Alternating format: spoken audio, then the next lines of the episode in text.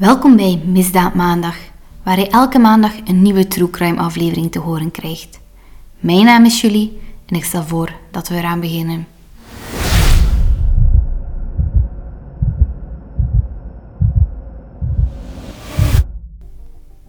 Drie verdachten. Een waarschijnlijke moord, maar geen lijk. Wat is er gebeurd met Marijke Francis?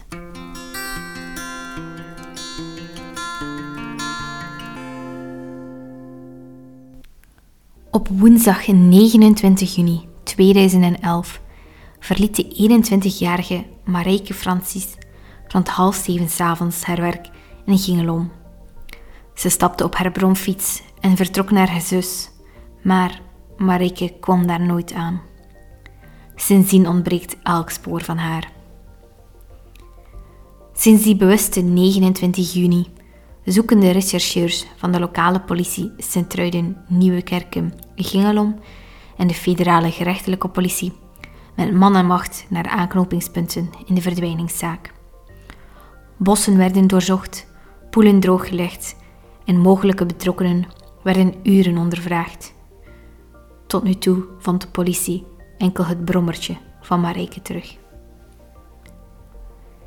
In december 2011 werd Didier Conard, de vriend van Marijke, en Kevin D., de buurjongen van Marijke, opgepakt en aangehouden. Didier Conard, of Conard, ik weet niet hoe hij het uitspreekt, maar hij had dus een zeer lang strafblad voor zowel drugsfeiten, vechtpartijen en andere criminele zaakjes. Hij had de bijnaam de schrik van Montenaken. De twee mannen werden aangehouden omdat de gsm van Kevin op de dag van de verdwijning gesignaleerd was in de buurt van een wachtbekken. Kevin D. vertelde aan de speurders dat hij daar samen met Didier het lichaam van Marijke gedumpt had. Hij verklaarde dat Didier Marijke tijdens een ruzie met een motorhelm zou hebben doodgeslagen. Nadien trok Kevin die verklaring weer in. De advocaat van Kevin zei hierop dat zijn cliënt, dus Kevin, onder invloed was van drugs toen hij zijn verklaring over de verdwijning of moord op Marijke gaf. Uiteindelijk werd er een sporenonderzoek uitgevoerd bij Didier thuis, maar er werd niets gevonden. Het wachtbekken in Gingalom werd op 17 december 2011, zes maanden na de verdwijning, leeggepompt. Speurders hoopten het lichaam van Marijke of andere sporen te vinden, maar er werd helemaal niets gevonden. Didier Conard bleef ook elke betrokkenheid bij de verdwijning van Marijke ontkennen. Nadat ook een test met de leugendetector hem had vrijgepleit, werd hij in november 2012 vrijgelaten. De man bleef wel een van de hoofdverdachten in de verdwijningszaak. In juli 2013, twee jaar na de verdwijning van Marijke, kwam Didier Conard om bij een motorongeval. Hij reed rond 11 uur s avonds op een onverlichte landweg met zijn motor frontaal in op een tegenligger.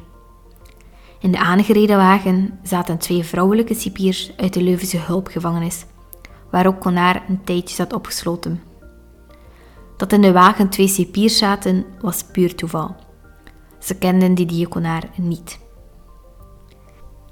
In oktober 2013 werd na meer dan twee jaar het onderzoek naar de verdwijning van Marijke Francis afgerond. Kevin D. bleef gedurende het onderzoek in de cel, maar werd daarna vrijgelaten. Hij moest wel de rechtsvoorwaarden naleven. Zo moest hij een vast adres hebben, zich ter beschikking houden van het gerecht, begeleid worden door een justitieassistent, therapie volgen voor zijn drugsverslaving en een contactverbod naleven met andere betrokkenen in het dossier. Echte materiële bewijzen zijn er niet in de zaak en het lichaam van Marijke werd nooit gevonden. Toch waren de speurders ervan overtuigd dat bepaalde elementen in het dossier belastend genoeg waren om de zaak voor de rechtbank te kunnen brengen. Dit is jammer genoeg niet gebeurd, of toch niet dat ik kon vinden, maar ik denk, moest het effectief wel voor een rechtbank zijn gebracht en besproken, dat het wel ergens op het internet te lezen ging hebben gestaan. Maar moest ik hierover fout zijn, Mijn excuses. We hebben het dus al over twee verdachten gehad. Kevin D., de buurjongen van Marijke, en Didier Conaar, de vriend van Marijke. Didier overleed dus in juli 2013 en Kevin mocht in oktober 2013 de gevangenis verlaten. Maar er werd ook een derde man aangehouden. Eind maart 2012 werd de man aangehouden die afkomstig was uit Walshoutem. Dat ligt op zo'n 4 kilometer van Gingelom, waar Marijke hoogstwaarschijnlijk verdween. De man was ondertussen wel al naar Nieuwpoort verhuisd en daar werd hij ook opgepakt. Het was niet volledig bekend waarom de man werd verdacht, maar hij zou blijkbaar hebben geholpen bij het wegmaken en verbergen van het lichaam van Marijke. Dit is dan ook de enige informatie die ik kon terugvinden over deze verdachte. In april 2012 kreeg de zaak ook een kleine wending. In de omgeving van Dinan werd op zondag 8 april 2012 het levenloze lichaam van Dirk Dries aangetroffen. De 33-jarige man was ook afkomstig uit Gingelom en was een kennis van Marijke. Belangrijk hierbij is dat zijn 26-jarige vriendin, Lisbeth Mivis, ook al een tijdje vermist was. Dirk Dries werd enkele weken voor zijn dood nog ondervraagd in het kader van het onderzoek naar de vermiste Marijke. Hij werd ondervraagd omdat hij niet alleen een kennis van haar was, maar ook een kennis van Didier Collard. Of dit hier nu om dezelfde man gaat die uh, was verhuisd naar Nieuwpoort en die dan was opgepakt daar en werd ondervraagd, die zo gezegd hebben geholpen met het verbergen van het lichaam, dat weet ik niet, dat is niet heel duidelijk. Dus oftewel is dat zogezegd de derde man die werd aangehouden, ofwel is Dirk Dries gewoon een compleet ander figuur in dit verhaal. Maar dus, het lichaam van Dirk Dries werd aangetroffen aan de ingang van een bos, op een plaats die volgens de politie erg moeilijk bereikbaar is. Politie omschreef de man als een bekend druggebruiker.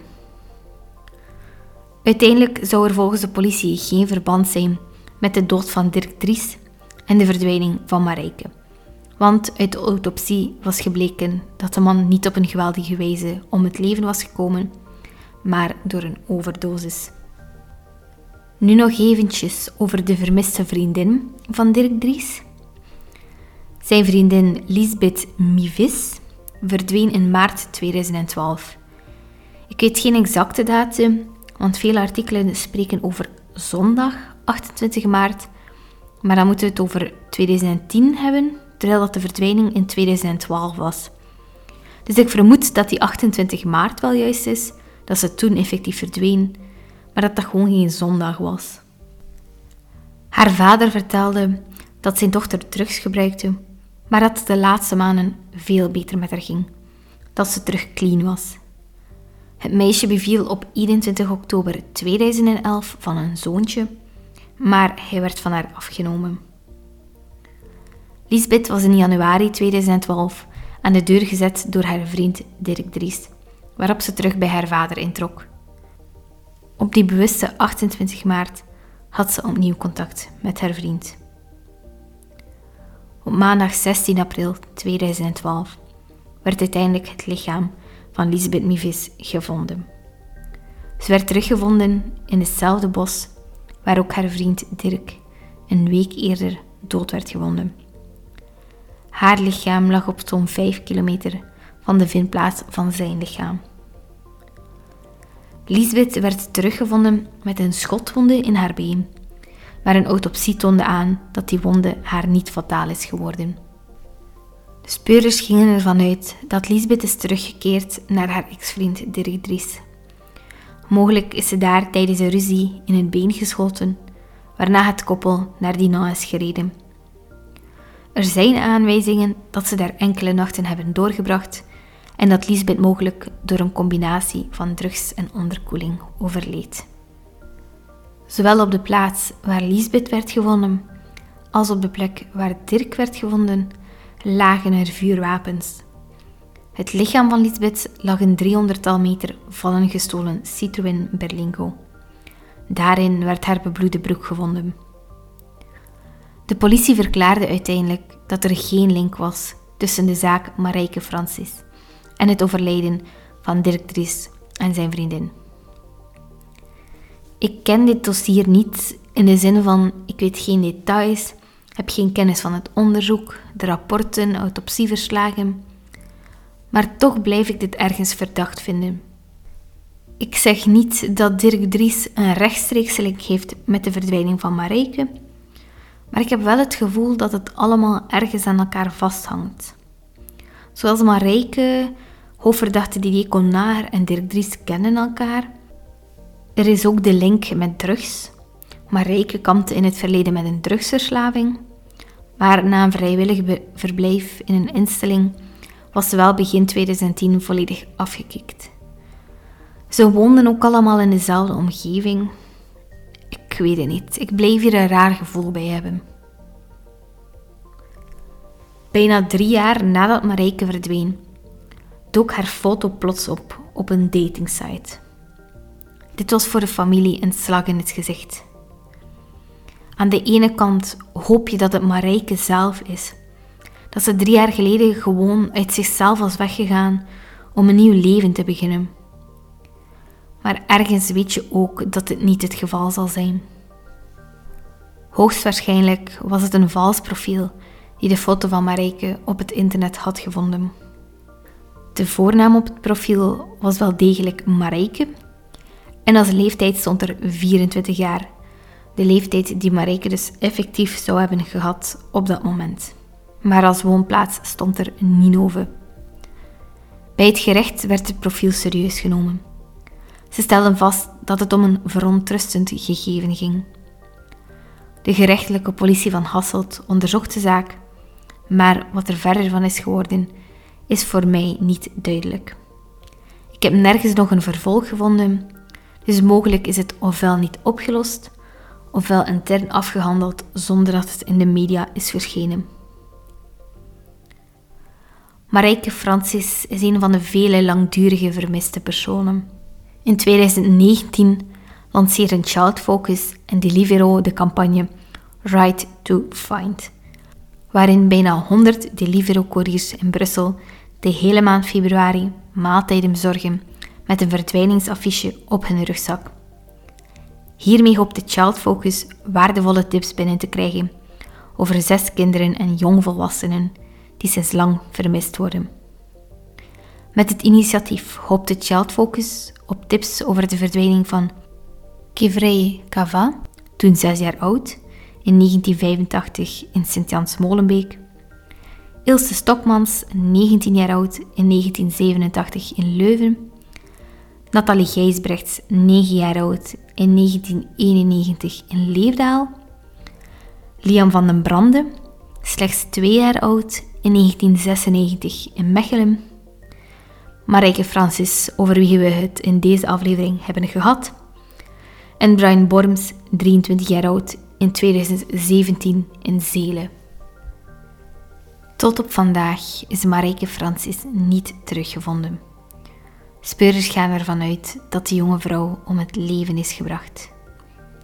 Marijke verdween op 29 juni 2011 toen ze om half zeven s'avonds van haar werk in Gingelom vertrok. Mogelijk reed ze in de richting van Berlos of Berlo, ik weet niet hoe je het uitspreekt. Marijke was op het ogenblik van haar verdwijning 21 jaar oud. Ze is 1,55 meter groot en slank gebouwd. Heeft kastanjebruin haar, bruine ogen en droeg een neuspiercing. Ze reed rond met een brommertje dat ondertussen wel werd teruggevonden. Mocht je meer informatie hebben over de verdwijning van Marijke Francis, dan kan je altijd contact opnemen met de politie via het gratis nummer 0800 30 300. Ik wil deze aflevering van de podcast graag afsluiten met een oproep om Marijke Francis niet te vergeten. De familie van Marijke zit in mijn gedachten en ik hoop dat ze ooit het antwoord krijgen op de vraag wat er met haar is gebeurd.